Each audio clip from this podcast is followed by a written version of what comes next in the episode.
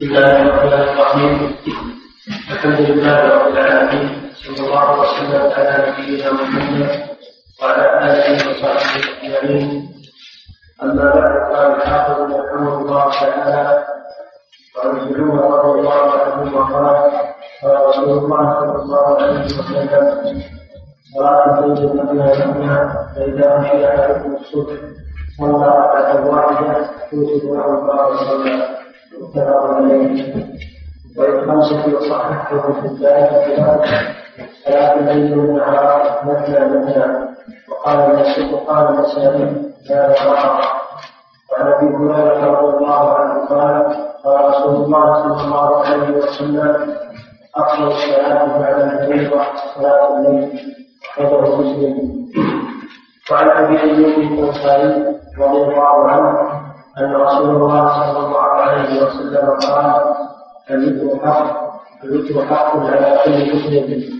من أحب ان ينذر بخمس فليفعل ومن أحب ان ينذر بثلاث فليفعل ومن أحب ان ينذر عن واحد فليفعل رواه الأربعة الا الترمذي وصححه ابن حبان ورجح النسائي وروى وعن علي بن أبي طالب رضي الله عنه قال ليس الذكر بحتم كهيئة المكتوبة ولكن سنة سنها رسول الله صلى الله عليه وسلم رواه الترمذي وحسنه والنسائي والحاكم وصححه. وعن جابر بن عبد الله رضي الله عنهما أن رسول الله صلى الله عليه وسلم قال في شهر رمضان ثم ترونه من قابله فلم يخرج وقال إني خشيت أن يكتب عليكم الرزق رواه البخاري وعن خارجه بن ثلاثة رضي الله عنه قال قال رسول الله صلى الله عليه وسلم إن الله أمركم بصلاة في خير لكم من النعم نعم. نعم قلنا وما هي يا رسول الله قال الوتر ما بين صلاة العشاء إلى طلوع الفجر رواه خمسة الا النسائي وصححه الحاكم وروى أحمد عن عمرو بن شعيب عن أبيه عن جده نحوه وعن عبد الله بن سميه رضي الله عنه عن ابيه قال قال رسول الله صلى الله عليه وسلم الذكر الحق فمن لم فليس منا أخرجه أبو داود بسند جيد وصححه الكاتب. وله شاهد ضعيف عن أبي هريرة رضي الله عنه عند أحمد وعن عائشة رضي الله عنها قالت ما كان رسول الله صلى الله عليه وسلم يزيد في رمضان وعن الموت على عشرة ركعة يصلي أربعا فلا تسأل عن قصدهن وقولهن ثم يصلي أربعا فلا تسأل عن قصدهن وقولهن ثم يصلي ثلاثا قالت عائشة قلت يا رسول الله أتنام قبل أن توتر قال يا عائشة إن عيني تنامان ولا ينام قلبي. متفق عليه. وفي رواية له عنها قال يصلي من الليل عشر ركعات ويوتر بسجدة ويرفع ركعتين الفجر وتلك ثلاث ركعة وتلك ثلاث ركعة وعنها قالت كان رسول الله صلى الله عليه وسلم يصلي من الليل ثلاث عشر ركعة يوتر من ذلك الخمس لا يجلس في شيء إلا في آخرها.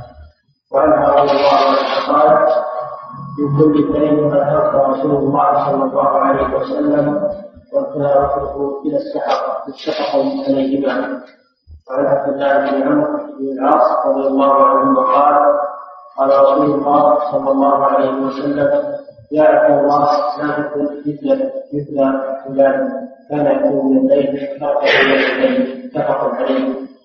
وعن علي قال قال رسول الله صلى الله عليه وسلم أوفوا يا أهل القرآن فإن الله يحب المسلم رواه الخمسة وصححه ابن خزيمة وعن ابن عمر رضي الله عنهما أن النبي صلى الله عليه وسلم قال اجعلوا آخر صلاتكم بالليل يطلع متفق عليه عن خالد بن علي قال سمعت رسول الله صلى الله عليه وسلم يقول لا تقام ليلة رواه أحمد والثلاثة وصححه في الباب وعن أبي بن رضي الله عنه قال كان رسول الله صلى الله عليه وسلم يذكر بسبح اسم ربك الأعلى وقل يا أيها الكافرون وقل هو الله أحد.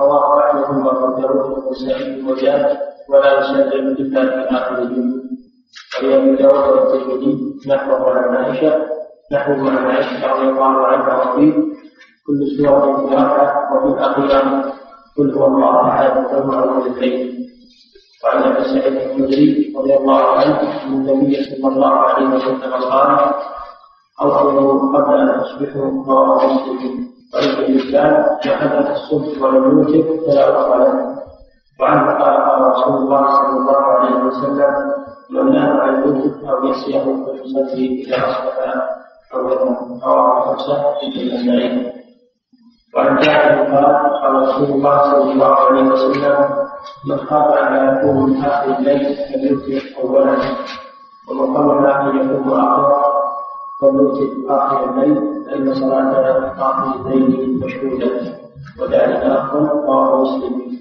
وعن ابن عمر رضي الله عنهما عن النبي صلى الله عليه وسلم قال اذا طلع الفجر فقد ذهب وقت كل فقد ذهب وقت كل صلاه الليل كل صلاة الليل والوتر فاوتروا قبل قول الفجر رواه الترمذي.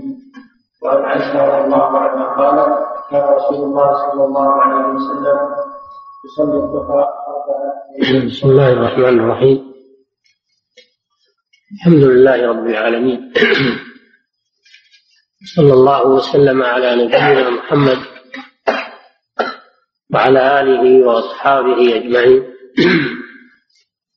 هذه الأحاديث كلها في صلاة الليل. كلها في صلاة الليل. وصلاة الليل يراد بها الليل يراد به ما بين غروب الشمس إلى طلوع الفجر. كل هذا يسمى بالليل. والمراد بصلاة الليل النافلة. التي تفعل بالليل. وأما الفريضة فمعلوم فرضيتها وأنها لا بد منها. وهي ليست مقتصرة على الليل. الفريضة خمس صلوات كتبهن الله في اليوم والليلة. وصلاة الليل على ما مر في هذه الأحاديث التي سمعتم وغيرها تنقسم إلى ثلاثة أقسام. القسم الأول الوتر القسم الثاني التراويح في رمضان القسم الثالث صلاة تهجد في كل السنة في كل ليالي السنة. وعلى العموم فصلاة الليل فيها فضل عظيم وفيها خير كثير. قد جاءت الأحاديث الحث على صلاة الليل وأنها أفضل الصلاة بعد المكتوبة وأن وأنها فيها وأن صلاة الليل تصادف وقت النزول الإلهي في آخر الليل وأنها مشهودة تشهدها ملائكة الليل وملائكة النهار الذين ينزلون لحفظ أعمال بني آدم وكتابتها وقال الله تعالى يا يا أيها المزمل قم الليل إلا قليلا نصفه أو انقص منه قليلا. إلى آخر السورة. وكان صلى الله عليه وسلم لا يدع قيام الليل. حتى إنه إذا مرض كان يصلي جالسا عليه الصلاة والسلام.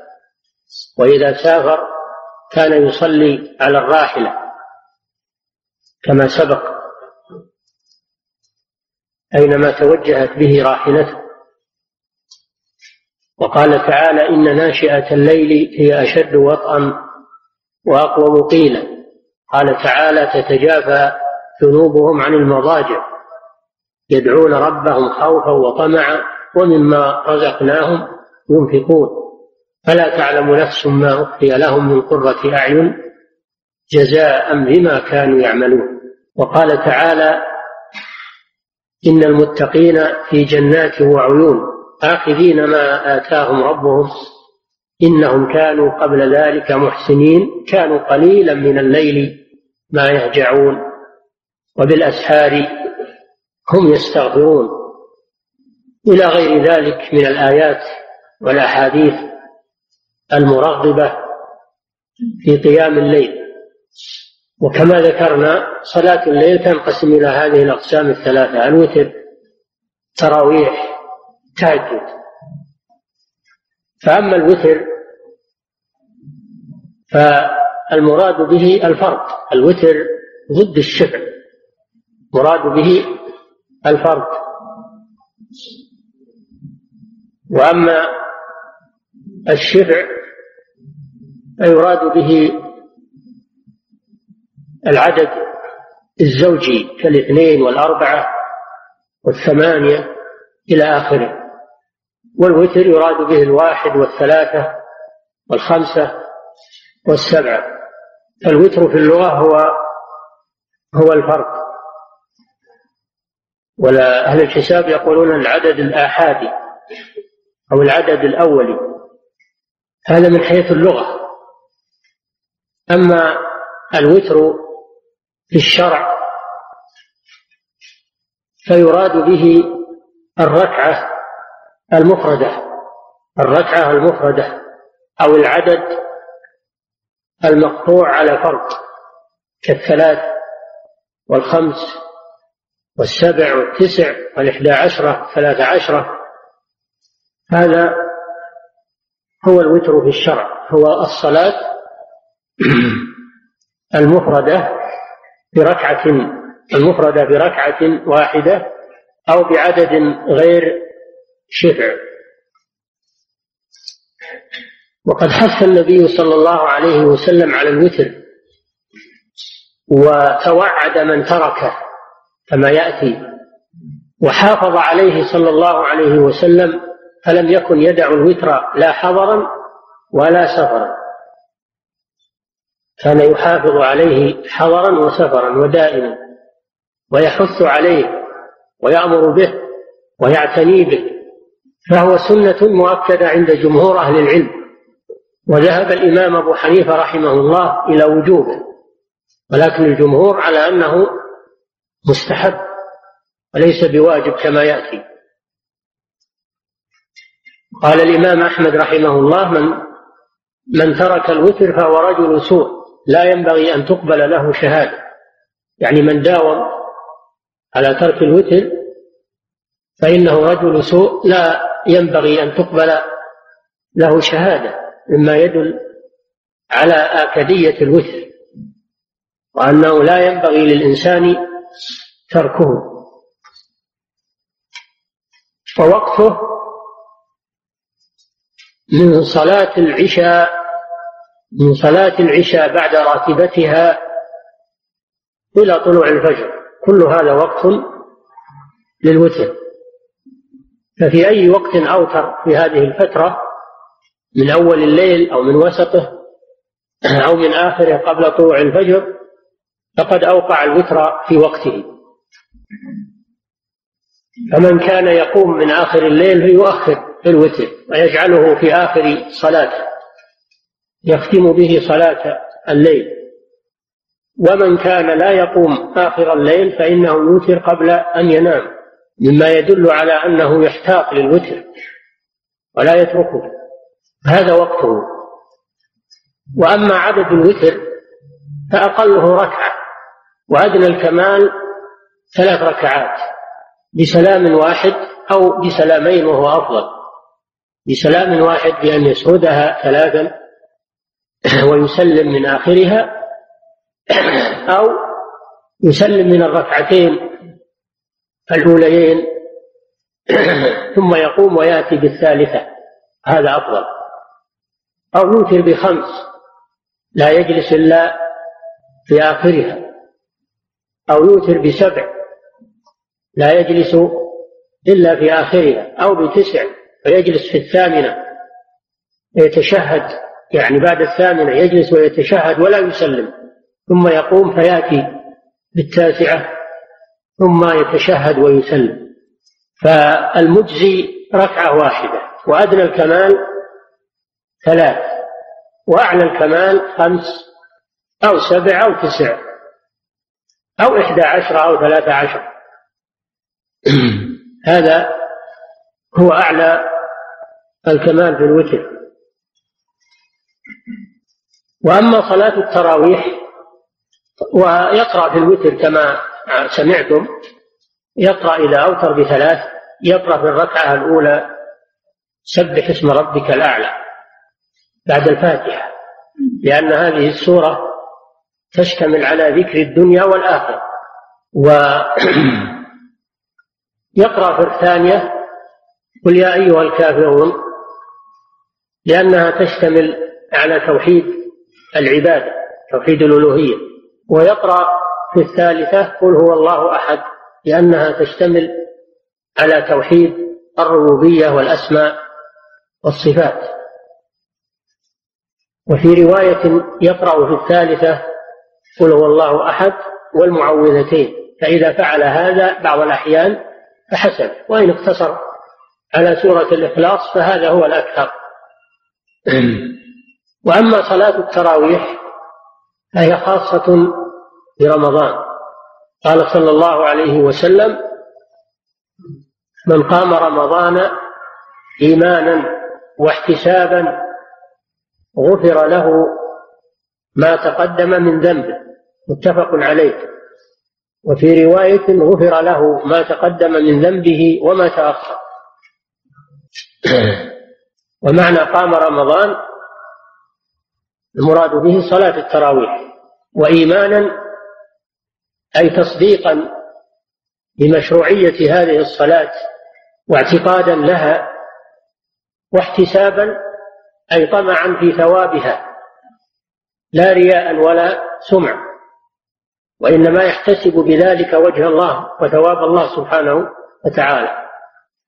هذا من جهة السنة القولية. وأما الفعلية فقد صلى النبي صلى الله عليه وسلم بأصحابه صلاة التراويح ليالي من رمضان. خرج صلى الله عليه وسلم في في الليل في جوف الليل خرج إلى المسجد فجاء ناس وصلوا خلفه وصلى بهم وأطال بهم الصلاة.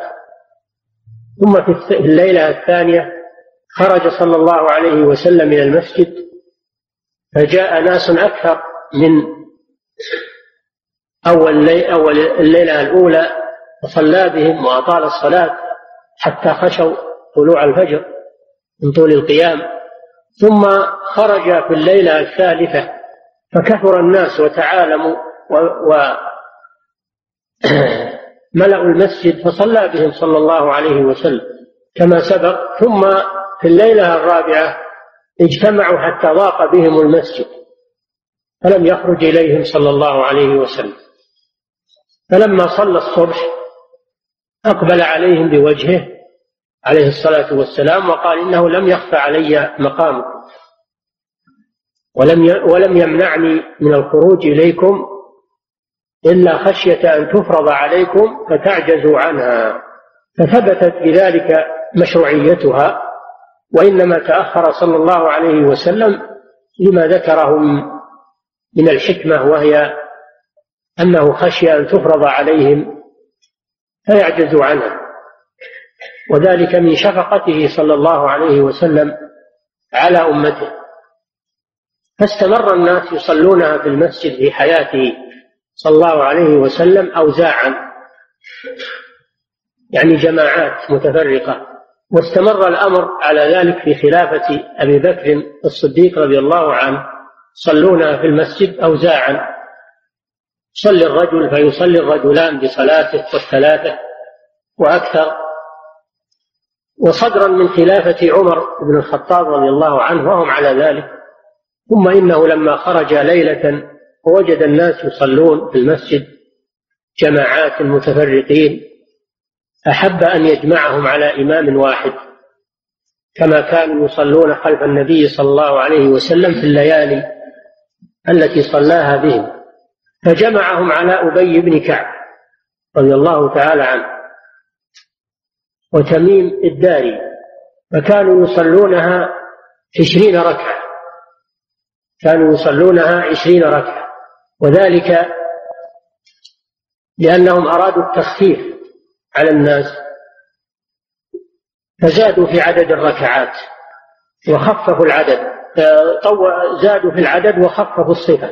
زادوا في العدد تعويضا عن تخفيف الصفة التي كان النبي صلى الله عليه وسلم يفعلها لأن الناس لا يطيقون طول القيام. صلاة النبي صلى الله عليه وسلم لا يطيقها إلا النبي صلى الله عليه وسلم لأنه قام حتى تفطرت قدماه عليه الصلاة والسلام. وكان يقرأ في الركعة الواحدة بالبقرة والنساء وآل عمران يرتل ويقف عند كل آية ويسأل عند آيات الرحمة ويستعيد عند آيات العذاب ثم يركع ركوعا طويلا نحو من قيامه. ثم يسجد سجودا طويلا نحو من ركوعه عليه الصلاة والسلام. فالصحابة بخلافة عمر زادوا في العدد وقللوا من الصفة وخففوا من أجل مراعاة أحوال الناس. وقد قال صلى الله عليه وسلم أيكم أما الناس فليخفف فإن فيهم الكبير والضعيف وذا الحاجة فهم خففوها مراعاة ورفقا بالناس وزادوا في العدد تعويضا عن التخفيف. وهذه من سنة الخلفاء الراشدين فإن عمر رضي الله عنه هو ثاني الخلفاء الراشدين. بل روي عن علي أيضا رضي الله عنه أنه أمر من يصليها عشرين ركعة بالناس. هذا من سنة الخلفاء الراشدين. قد قال صلى الله عليه وسلم عليكم بسنتي وسنة الخلفاء الراشدين المهديين من بعد. وكان هذا بمحضر من المهاجرين والأنصار وفي مسجد رسول الله صلى الله عليه وسلم. فدل على جواز الزيادة في صلاة التراويح لمن كان يخفف الصلاة وأما من أراد أن يقتدي بالنبي صلى الله عليه وسلم فيصلي إحدى عشرة ركعة لكن يصلي مثل صلاة النبي صلى الله عليه وسلم. فليفعل. لكن هذا يشق على الناس. فمن كان يصلي لنفسه أو خلفه جماعة يؤثرون ويرغبون هذا ويصبرون على الإطالة فليفعل مثل ما كان يفعله النبي صلى الله عليه وسلم. أما من كان يصلي بأناس فيهم ضعف ولا يطيقون التطويل فإنه يخفف الصلاة ويزيد في عدد الركعات. والأمر في هذا واسع ولله الحمد. الأمر في هذا واسع. أما من يقول إن الزيادة على إحدى عشر ركعة بدعة هذا قول فيه جراءة. فيه جراءة. وفيه تبديع لعمر بن الخطاب. وعلي بن أبي طالب وأبي بن كعب وتميم الداري بل تبديع للمهاجرين والأنصار لأنهم زادوا في العدد زادوا عما كان يفعله الرسول صلى الله عليه وسلم والحكمة ما ذكرنا الرفق بالناس ومراعاة أحوال المأمومين عملا بقول الرسول صلى الله عليه وسلم أيكم أما الناس فليخفف. وقال إن منكم منفرين. لما أطال معاذ رضي الله عنه بالصحابة الذين يصلون خلفه في الفريضة وقرأ بهم سورة البقرة وبلغ ذلك رسول الله صلى الله عليه وسلم أنكر عليه وقال إن منكم منفرين وأنكر هذا التطويل وأمر بمراعاة أحوال المأمومين والرفق بهم وتألف الناس تألف الناس على الخير وعدم تنفيرهم فلا بدعة والحمد لله.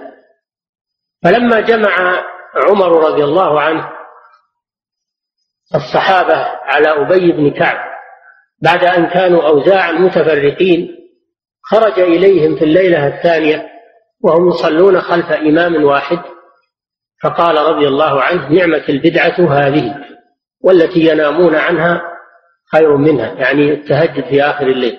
فقوله نعمة البدعة المراد بها البدعة اللغوية لا البدعة الشرعية. لأن التراويح ليست بدعة. صلاة الجماعة في التراويح خلف إمام واحد ليس بدعة وإنما هو سنة الرسول صلى الله عليه وسلم. وقد أحياها أحياها الخليفة الراشد عمر رضي الله عنه. فالمراد بقوله نعمة البدعة كما قرر أهل العلم البدعة اللغوية أي الشيء الذي لم يكن له سابق يعني في عهد الصحابة. في خلافة أبي بكر وخلافة أول خلافة عمر. فهو قال نعمة البدعة أي جمعهم على إمام واحد بعد أن كانوا متفرقين. فإن هذا شيء بديع من ناحية اللغة. وليس المراد البدعة المحدثة في الدين حاشا وكلا. لأن صلاة التراويح جماعة خلف إمام واحد هو سنة الرسول صلى الله عليه وسلم. وإنما تركه النبي صلى الله عليه وسلم في الليلة الرابعة أو الخامسة وبين العلة وهي أنه خشي أن تفرض عليهم. فلما توفي صلى الله عليه وسلم أمنت هذه هذه المخافة لأن التشريع والفرضية انتهت بوفاة الرسول صلى الله عليه وسلم. فجمعهم عمر على إمام واحد كما كانوا على عهد النبي صلى الله عليه وسلم في الليالي التي صلاها بهم رضي الله تعالى عن الجميع هذه صلاة التراويح. سميت بالتراويح لأنهم كانوا يرتاحون بعد كل تسليمتين. يتروحون أي يرتاحون بعد كل تسليمتين. فيفصلون بين كل تسليمتين وما بعدهما باستراحة قصيرة. فلذلك سميت بصلاة التراويح. وأما التهجد فإنه مشروع في كل ليالي السنة ووقته من صلاة العشاء بسنتها إلى طلوع الفجر. أو هو من من من تغاب الشمس من غيبوبة الشمس إلى طلوع الفجر. كل هذا يسمى صلاة الليل. إذا صلى الإنسان بين العشاءين ما تيسر له فإن ذلك من صلاة الليل. ذلك من صلاة الليل. ولكن كل ما تأخرت فهو أفضل. من أجل أن آخر الليل فيه مصالح. أولا أنه تنقطع فيه الشواغل ويأخذ الإنسان راحته من النوم ويعطي جسمه ما يحتاج من الراحة ثم يقوم نشيطا. إن ناشئة الليل هي أشد وطأ والناشئة الليل هي القيام بعد النوم هي القيام للصلاة بعد النوم. فهذا أفضل من الذي يصلي أول الليل قبل أن ينام. وكذلك في آخر الليل أدعى للإخلاص وأدعى للتدبر. تدبر القرآن وألد للقراءة. إن ناشئة الليل هي أشد وطئا أي مواطأة القلب للسان في القراءة وأقوم قيلا ولأن آخر الليل وقت النزول الإلهي إلى سماء الدنيا فيصادفه المسلم يدعو ربه ويستغفر ويسأل فيستجاب له. ولقوله صلى الله عليه وسلم أفضل الصلاة صلاة داود. كان ينام نصف الليل ويقوم ثلثه وينام سدسه.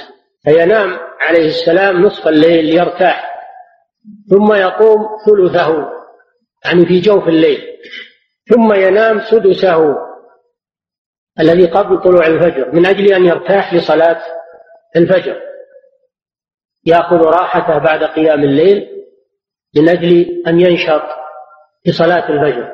فهذه صلاة داود عليه الصلاة والسلام. وهذه صلاة الليل. والمشروع أن يختمها بالوتر أن يجعل وتره في آخر صلاته من الليل. هذا هو السنة. ولو قدر أنه أوتر أول الليل ثم تيسر له فقام آخر الليل فإنه يصلي ما تيسر له ويقتصر على الوتر الأول ولا يعيد الوتر مرة ثانية لقوله صلى الله عليه وسلم لا وتران في ليلة لا وتران في ليلة. فيقتصر على الوتر الأول لكن لو أنه احتسب هذا من الأول وأخر الوتر وجعله في آخر صلاة الليل فلكان هذا أحسن. لكن إذا صلى وأوتر من أول الليل وتيسر له وقام من آخر الليل لا يحرم نفسه ويقول أنا أوترت خلاص ما نصلي لا يقوم يصلي ما تيسر له ويكتفي بالوتر الأول والحمد لله زيادة خير. وأقل الوتر كما سبق ركعة واحدة وأدنى الكمال ثلاث وأعلاه خمس أو سبع أو تسع أو إحدى عشرة. وأما ما في حديث عائشة أنه صلى الله عليه وسلم كان لا يزيد في رمضان ولا غيره على إحدى عشرة ركعة يصلي أربعا فلا تسأل عن حسنهن وطولهن ثم يصلي أربعا فلا تسأل عن حسنهن وطولهن ثم يصلي ثلاثا. فالمراد أنه صلى الله عليه وسلم يصلي الأربع بسلامين. ثم يفصل ويستريح قليلا ثم يصلي أربعا بسلامين ثم يفصل ويستريح قليلا ثم يقوم ويأتي بالوتر ثلاث ركعات. هذه إحدى عشرة ركعة. والدليل على ذلك قوله صلى الله عليه وسلم صلاة الليل مثنى مثنى. وقوله صلاة الليل مثنى مثنى يدل على أنه يسلم من كل ركعتين ولا يزيد على ركعتين في التهجد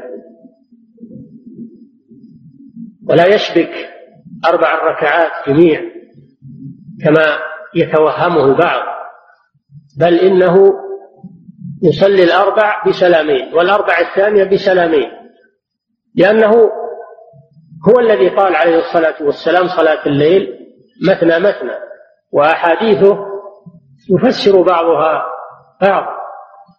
بل في رواية عن عن عائشة أنها قالت في حديثها تسلم من كل ركعتين. فروايتها الثانية تفسر قولها يصلي أربعا فلا تسأل عن حسنهن وطولهن. معناه أنه يصلي أربعا بسلامين يسلم من كل ركعتين. كما قال فصلاة الليل مثنى مثنى وفي رواية وصلاة النهار أي مثنى مثنى ثنتين ثنتين ولكن هذه الزيادة تكلموا فيها. وقال النسائي إنها خطأ لأنها من رواية راو ضعيف تكلموا فيها ولكن قالوا تشهد لها روايات أخرى في أن صلاة النهار أيضا مثنى مثنى. فهذه صلاة التهجد وهذا فضلها وهذا وقتها وهذه كيفيتها. وأما عدد التهجد عدد الركعات في التهجد فأيضا هو غير محصور. يصلي الإنسان ما تيسر له. وإذا اقتدى بالنبي صلى الله عليه وسلم فصلى إحدى عشرة ركعة أو صلى ثلاث عشرة ركعة فحسن. وإن قلل الركعات أو زاد فلا حرج عليه لأن النبي صلى الله عليه وسلم لم يحدد وإنما كان يرغب في قيام الليل من غير تحديد ولأن هذا أيسر للناس فيصلي المسلم ما تيسر له من من الركعات ويختمها يختمها بالوتر. نعم. عن ابن عمر رضي الله عنهما قال قال رسول الله صلى الله عليه وسلم الليل مثنى مثنى فإذا خشي أحدكم الصبح صلى ركعة واحدة يوتره مع رسول الله متفق عليه. هذا الحديث فيه أن صلاة الليل تكون ركعتين ركعتين وأنه لا يزيد على الركعتين بل يسلم من كل ركعتين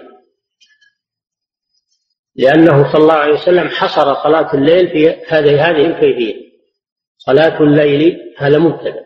مثنى مثنى هذا معدول عن اثنين اثنين وهو خبر المبتدأ. فدل على أن المشروع والمستحب في صلاة الليل أن تكون ثنائية أن تكون ثنائية. وإذا خشي الإنسان طلوع الفجر فإنه يصلي واحدة توتر له ما صلى. فدل على أيضا على مشروعية اختتام صلاة الليل بالوتر. ودل ثالثا على أن صلاة الفجر يمتد وقتها إلى طلوع الفجر. ودل رابعا على أنه إذا طلع الفجر فإنه ينهى عن النافلة سواء كانت تهجدا أو وترا وأنه لا يصلى نافلة إلا راتبة الفجر كما سبق. نعم. ومن خمسة صححه ابن حبان بلفظ صلاة الليل والنهار مثنى مثنى قال النسائي وهذا خطأ يعني والنهار. المراد بالخطأ قوله والنهار. أما صلاة الليل مثنى مثنى هذا ثابت عنه صلى الله عليه وسلم. نعم. وعن أبي هريرة رضي الله عنه قال قال رسول الله صلى الله عليه وسلم أفضل الصلاة بعد الفريضة صلاة الليل أخرجه مسلم. هذا فيه الترغيب في صلاة الليل وأنها أفضل الصلاة بعد الفريضة. يدل على تأكدها. نعم. وعن أبي ايوب الانصاري أن رسول الله صلى الله عليه وسلم قال الذكر حق الذكر حق على كل مسلم. بخمس فليفعل ومن بثلاث فليفعل الترمذي وصححه ابن حبان وصححه ابن حبان النسائي هذا الحديث فيه مسألتان. المسألة الأولى مشروعية الوتر وتأكده. قال صلى الله عليه وسلم الوتر حق يعني متأكد أنه سنة مؤكدة. المسألة الثانية فيه كيفية أو فيه عدد صلاة الوتر وأن أقله ركعة وأكثره ثلاث أو خمس. المسألة الثالثة في الحديث أن من أوتر بثلاث أو بخمس فله أن يسردها أن يسردها بسلام واحد. وإن سلم من كل ركعتين وأوتر بواحدة فهو أفضل. عملا بقوله صلى الله عليه وسلم صلاة الليل مثنى مثنى. نعم. له أن يسردها وله أن يسلم من ركعتين ركعتين ويقوم للخامسة. نعم. لا. يسلم من ركعتين ويقوم ويجيب ركعتين ثم يقوم ويجيب الخامسة وحدها على أنها نعم. والأول شفع. نعم. وإن سردها كلها بسلام واحد جاز هذا. نعم. لا لا. نعم. وعن علي بن طالب رضي الله عنه قال ليس بحسب آية مخلوقة ولكن ثم سمع رسول الله صلى الله عليه وسلم رواه الترمذي وحسنه والنسائي والحاكم وصححه هذا الحديث عن علي رضي الله عنه يفسر الحديث الذي قبله قوله الوتر حق. أن المراد به أنه سنة وليس معناه أنه واجب. ولهذا قال ليس الوتر بحتم يعني بواجب وفرض كالمكتوبة يعني كالصلاة المكتوبة. ولكن سنة سنها رسول الله صلى الله عليه وسلم. دل على أن الوتر مستحب. وليس بواجب وهو مذهب جمهور أهل العلم. خلافا للإمام أبي حنيفة رحمه الله. وذلك لأن النبي صلى الله عليه وسلم قال للأعرابي الذي سأله هل علي غيرها لما ذكر له الصلوات الخمس قال الأعرابي هل علي غيرها؟ قال لا إلا أن تتطوع إلا أن تتطوع ولقوله صلى الله عليه وسلم خمس صلوات فرضهن الله اليوم والليل يدل على أنه ليس هناك صلاة مفروضة غير الصلوات الخمس. فالراجح ما ذهب إليه الجمهور أن الوتر سنة سنة مؤكدة. نعم. وعن جابر بن عبد الله رضي الله عنهما أن رسول الله صلى الله عليه وسلم قام في شهر رمضان من شهورهن القابله فلم يخرج وقال إني خشيت أن يكتب عليه رواه مسلم هذا في صلاة التراويح وهي في رمضان وتسن جماعة في المسجد. وأما النوافل والتهجد الأفضل أن يكون في البيت. الأفضل أن يكون في البيت بقوله صلى الله عليه وسلم إن أفضل صلاة المرء في بيته إلا المكتوبة. فصلوا أيها الناس في بيوتكم. فصلاة التهجد الأفضل أن تكون في البيت. وأما صلاة التراويح فالأفضل أن تكون في المسجد وأن تكون جماعة. لأن هذا فيه إظهارا لهذه الشعيرة العظيمة في هذا الشهر العظيم. نعم. وعن خالد بن حذافة رضي الله عنه قال قال رسول الله صلى الله عليه وسلم إن الله أمركم بصلاة هي خير لكم في كل النعم إلا وما هي يا رسول الله. قال ما بين صلاة العشاء إلى طلوع الفجر. رواه خمسة من النسائي صححه الكافي هذا الحديث عن خارجة بن حذافة العدوي رضي الله عنه وهو الفارس المشهور الذي قيل إنه يعدل ألف فارس. وذلك لأن عمرو بن العاص رضي الله عنه طلب من عمر بن الخطاب أن يمده بثلاثة آلاف مقاتل فأمده بثلاثة رجال وقال إن هؤلاء خير من ثلاثة آلاف مقاتل. هم خارجة بن حذافة والزبير بن العوام والمقداد بن الأسود رضي الله تعالى عنهم وخارجة بن حذافة هذا كان قاضيا في مصر وكان الأمير عمرو بن العاص رضي الله تعالى عنه. وتآمر الخوارج قبحهم الله على قتل الثلاثة علي بن أبي طالب ومعاوية بن أبي سفيان وعمرو بن العاص. فجاءوا للتنفيذ. فأما الذي عبد الرحمن بن ملجم قبحه الله فقد قتل أمير المؤمنين علي بن أبي طالب. وأما الرجل الذي أراد معاوية فإنه طعنه في غير مقتل ونجاه الله من القتل. وأما الذي أراد عمرو بن العاص فكان من قدر الله أن عمرو رضي الله عنه لم يحضر في تلك الليلة وقد أناب عنه خارجة بن يصلي بالناس فقتله الخارجي. قتل خارجة بدلا من عمرو. غلطا. ولهذا قال قبحه الله أردنا عمرا وأراد الله خارجة. فذهبت مثلا. وحديثه هذا فيه نعم. إن الله أمدكم بصلاة هي خير لكم من حمر النعم. هذا فيه تأكيد الوتر. وأنه خير من حمر النعم والمراد بحمر النعم الإبل.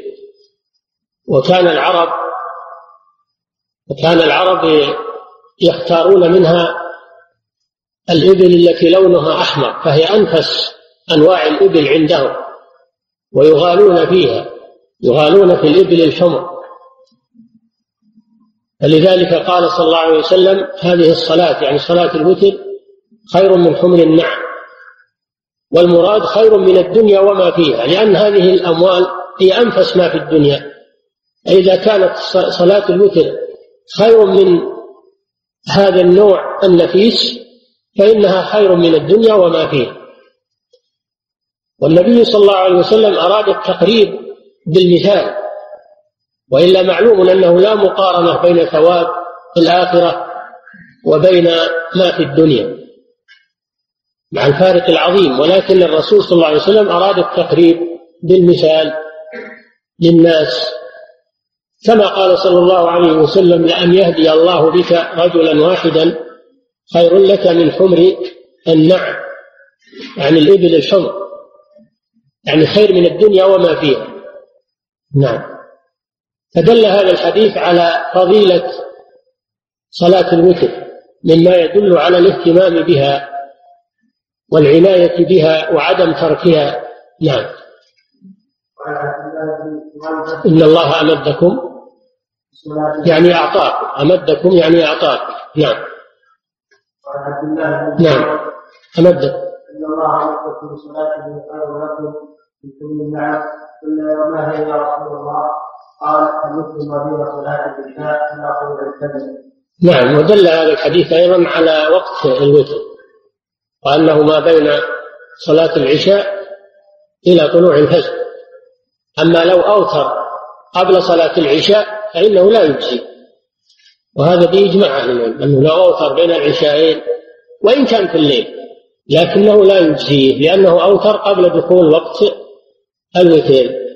فلو أوتر قبل العشاء أو أوتر بعد طلوع الفجر لم يجزي لأنه خارج عن الوقت. لكن لو جمع العشاء لو جمع العشاء مع المغرب إما لمرض وإما لسفر وإما لمطر جمع تقديم فإنه يوتر لأنه يصدق عليه أنه بعد العشاء. نعم. وعن عبد الله بن بريدة رضي الله عنه عن أبيه قال قال رسول الله صلى الله عليه وسلم الذكر حق ومن لم يوتر فليس منا أخرجه أبو داود بسند وصححه هذا كالحديث السابق الوتر حق يعني سنة مؤكدة. وقوله فمن لم يوتر فليس منا هذا من باب الوعيد. من باب الوعيد والزجر على ترك الوتر. وليس معناه أنه كافر لكن معناه الوعيد والزجر عن ترك الوتر. ولا يدل على وجوبه. لأن الأحاديث دلت على أنه ليس بفرض وإنما هو سنة مؤكدة. نعم. وعن عائشة رضي الله عنها قالت ما كان رسول الله صلى الله عليه وسلم يزيد في رمضان ولا في غيره على على احدى عشر ركعه يصلي اربعا فلا تسال عن حكمه وقوله ثم يصلي اربعا فلا تسال عن حكمه وقوله ثم يصلي ثلاثا. قالت عائشه قلت يا رسول الله انما صلى عن قال يا عائشه ان علي يتنام ولا ينام قلبي متفق عليه عائشة رضي الله عنها تذكر عدد الركعات التي كان يصليها النبي صلى الله عليه وسلم من الليل في رمضان وفي غيره. يقول إنه كان لا يزيد على إحدى عشر عشرة ركعة. هذا من حيث العدد. لكن من حيث الصفة كان يطيلها. لا تسأل عن حسنهن وطولهن لأنه شيء معروف فلا يحتاج إلى سؤال. إن هدي النبي صلى الله عليه وسلم أنه كان يطيل الصلاة بالليل حتى تفطرت قدماه عليه الصلاة والسلام من طول القيام. وكما ذكر حذيفة بن اليمان رضي الله عنه أنه قام معه ليلة من الليالي فأحرم النبي صلى الله عليه وسلم بالصلاة قرأ الفاتحة ثم بدأ بالبقرة فظن حذيفة أنه سيركع عند المئة ثم مضى صلى الله عليه وسلم حتى ختم البقرة ثم قرأ النساء ثم قرأ العمران لا يمر بآية رحمة إلا وقف يسأل ولا بآية عذاب إلا وقف وتعود ثم ركع ركوعا طويلا نحو من قيامه. ثم سجد سجودا طويلا نحو من ركوع عليه الصلاة والسلام. هذه صفة صلاته صلى الله عليه وسلم. لهذا قالت لا تسأل عن حسنهن وطولهن. ثم يصلي أربعا. ومعناه كما سبق يفسره روايتها الثانية يسلم من كل ركعتين. لكنه يستريح بعد الأربع. إذا صلى أربع ركعات بتسليمتين فإنه يستريح ثم يستأنف فيصلي أربعا يفصل بينهن بتسليم ثم يستريح ثم يقوم فيصلي واحدة صلي آه ثلاثا يقوم فيصلي ثلاثا. هذه هي الوتر. فالمجموع إحدى عشر.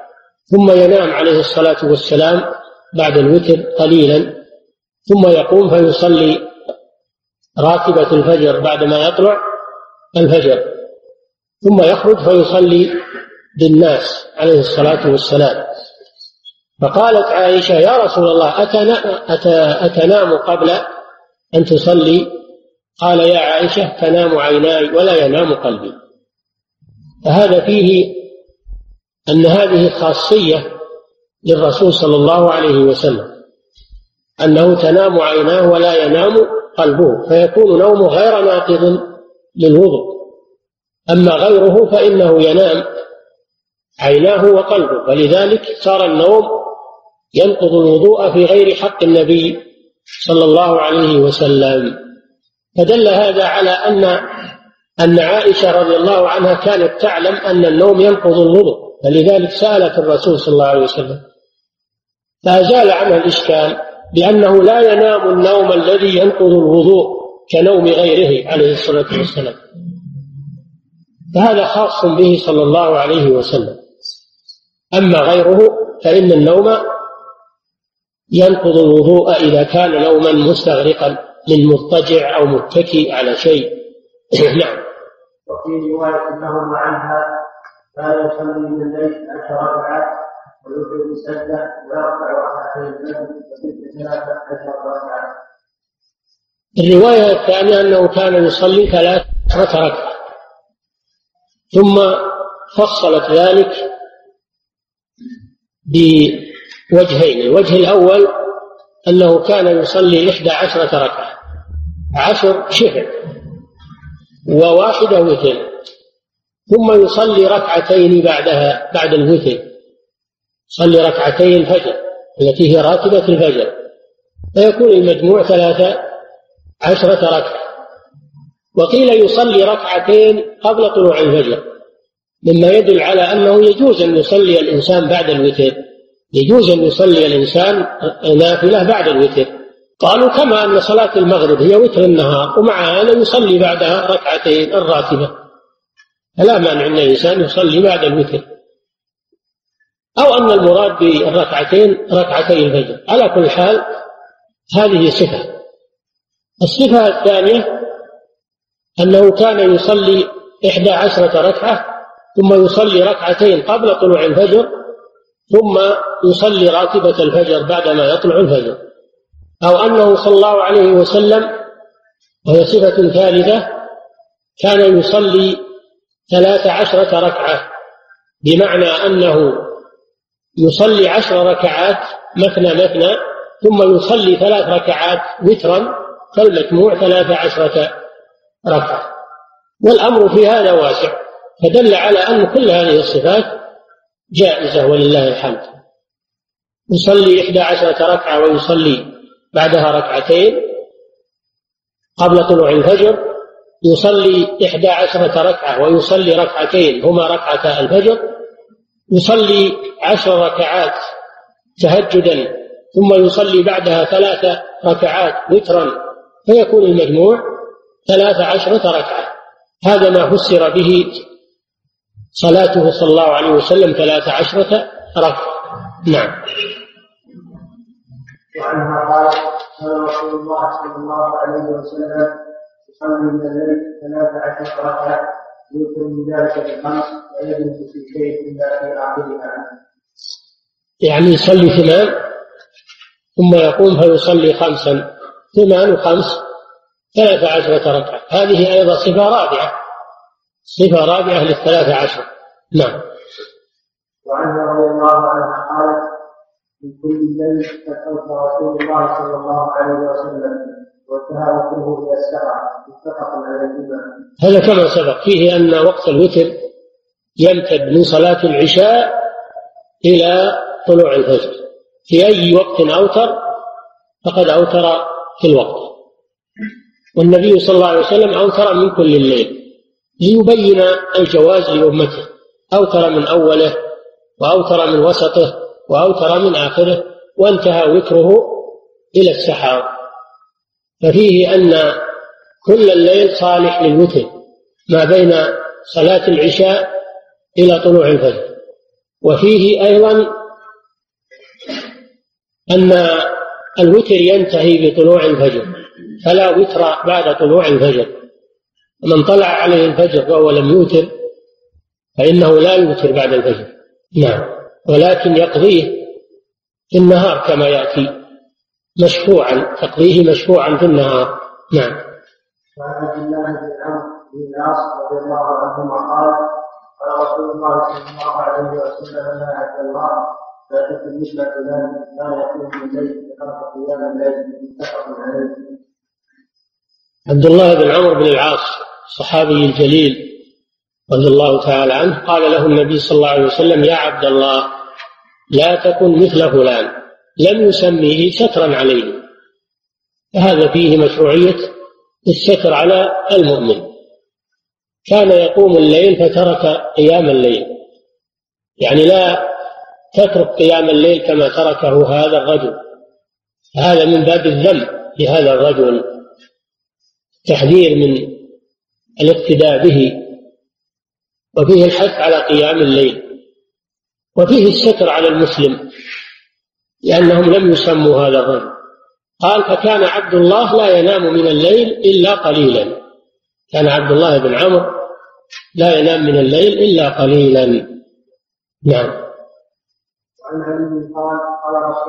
فهذا الحديث فيه آه، آكدية صلاة الليل وأنه لا ينبغي تركها. نعم. وعن علي رضي الله عنه قال قال رسول الله صلى الله عليه وسلم أوصلوا يا أهل القرآن فإن الله بكم وجه رواه الخمسة وصححه خزيمة هذا أيضا من الأحاديث الدالة على تأكد الوتر وأن أهل القرآن أولى أن يحافظوا على الوتر. والمراد بأهل القرآن حفظة القرآن العاملون به حفظته العاملون به. وأنه لا يليق بمن حفظ القرآن أن ينام عنه بالليل بل يقوم به بالليل ويأتي بالوتر. فمن ترك الوتر فإنه لا يليق به وهو يحفظ القرآن. نعم. هذا فيه الحد الله وتر يعني فرد واحد أحد. في ذاته وفي أسمائه وصفاته وفي أفعاله وفي إلهيته وعبوديته هو واحد سبحانه وتعالى في جميع أنواع التوحيد. وهو جل وعلا يحب الوتر يحب صلاة الوتر. وإذا كان الله يحب صلاة الوتر فلا يليق بالمسلم أن يترك شيئا يحبه الله عز وجل. هذا فيه الحث على صلاة الوتر وأن الله يحبها. نعم.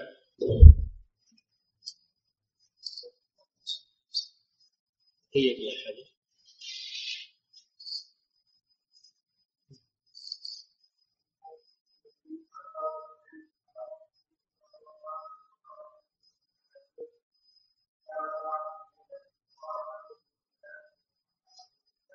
وتران في ليلة لا هذه نافية للجنس ومعناها النهي.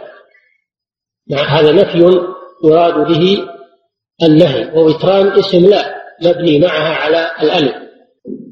والخبر محذوف تقديره لا وتران موجودان في ليلة. فهذا نهي منه صلى الله عليه وسلم عن أن يوتر المسلم في الليلة مرتين. بل يكتفي بوتر واحد.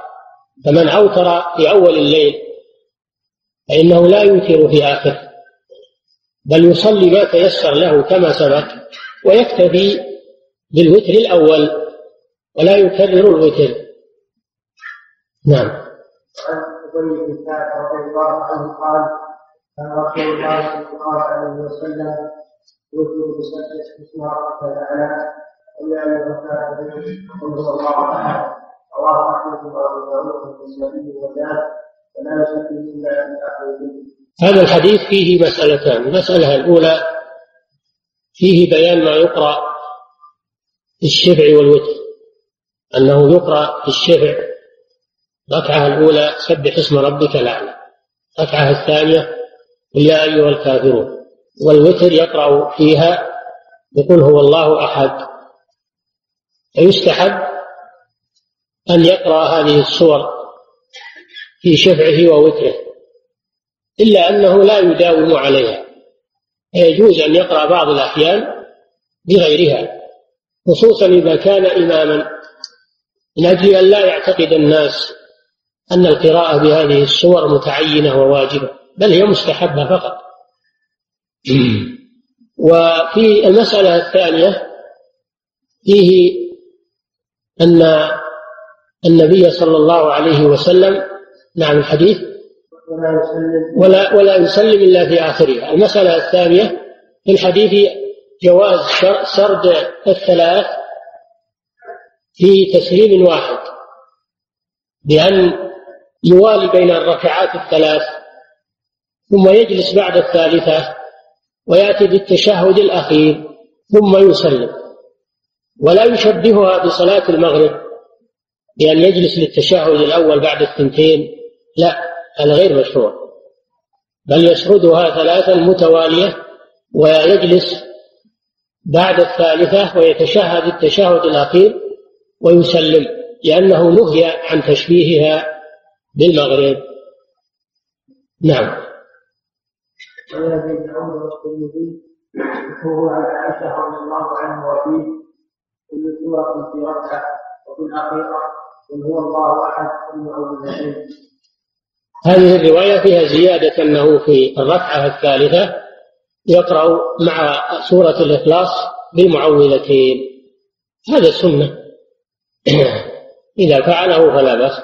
وإن اقتصر على سورة الإخلاص فلا بأس. وإن قرأ بغيرها فلا بأس. نعم. وعن أبي سعيد الخدري رضي الله عنه أن النبي صلى الله عليه وسلم قال أوصلوا قبل أن تصبحوا رواه مسلم. هذا كما سبق أن الوتر ينتهي بطلوع الفجر قبل أن تصبحوا يعني قبل أن يطلع الفجر. فإذا طلع الفجر انتهى وقت الوتر. نعم.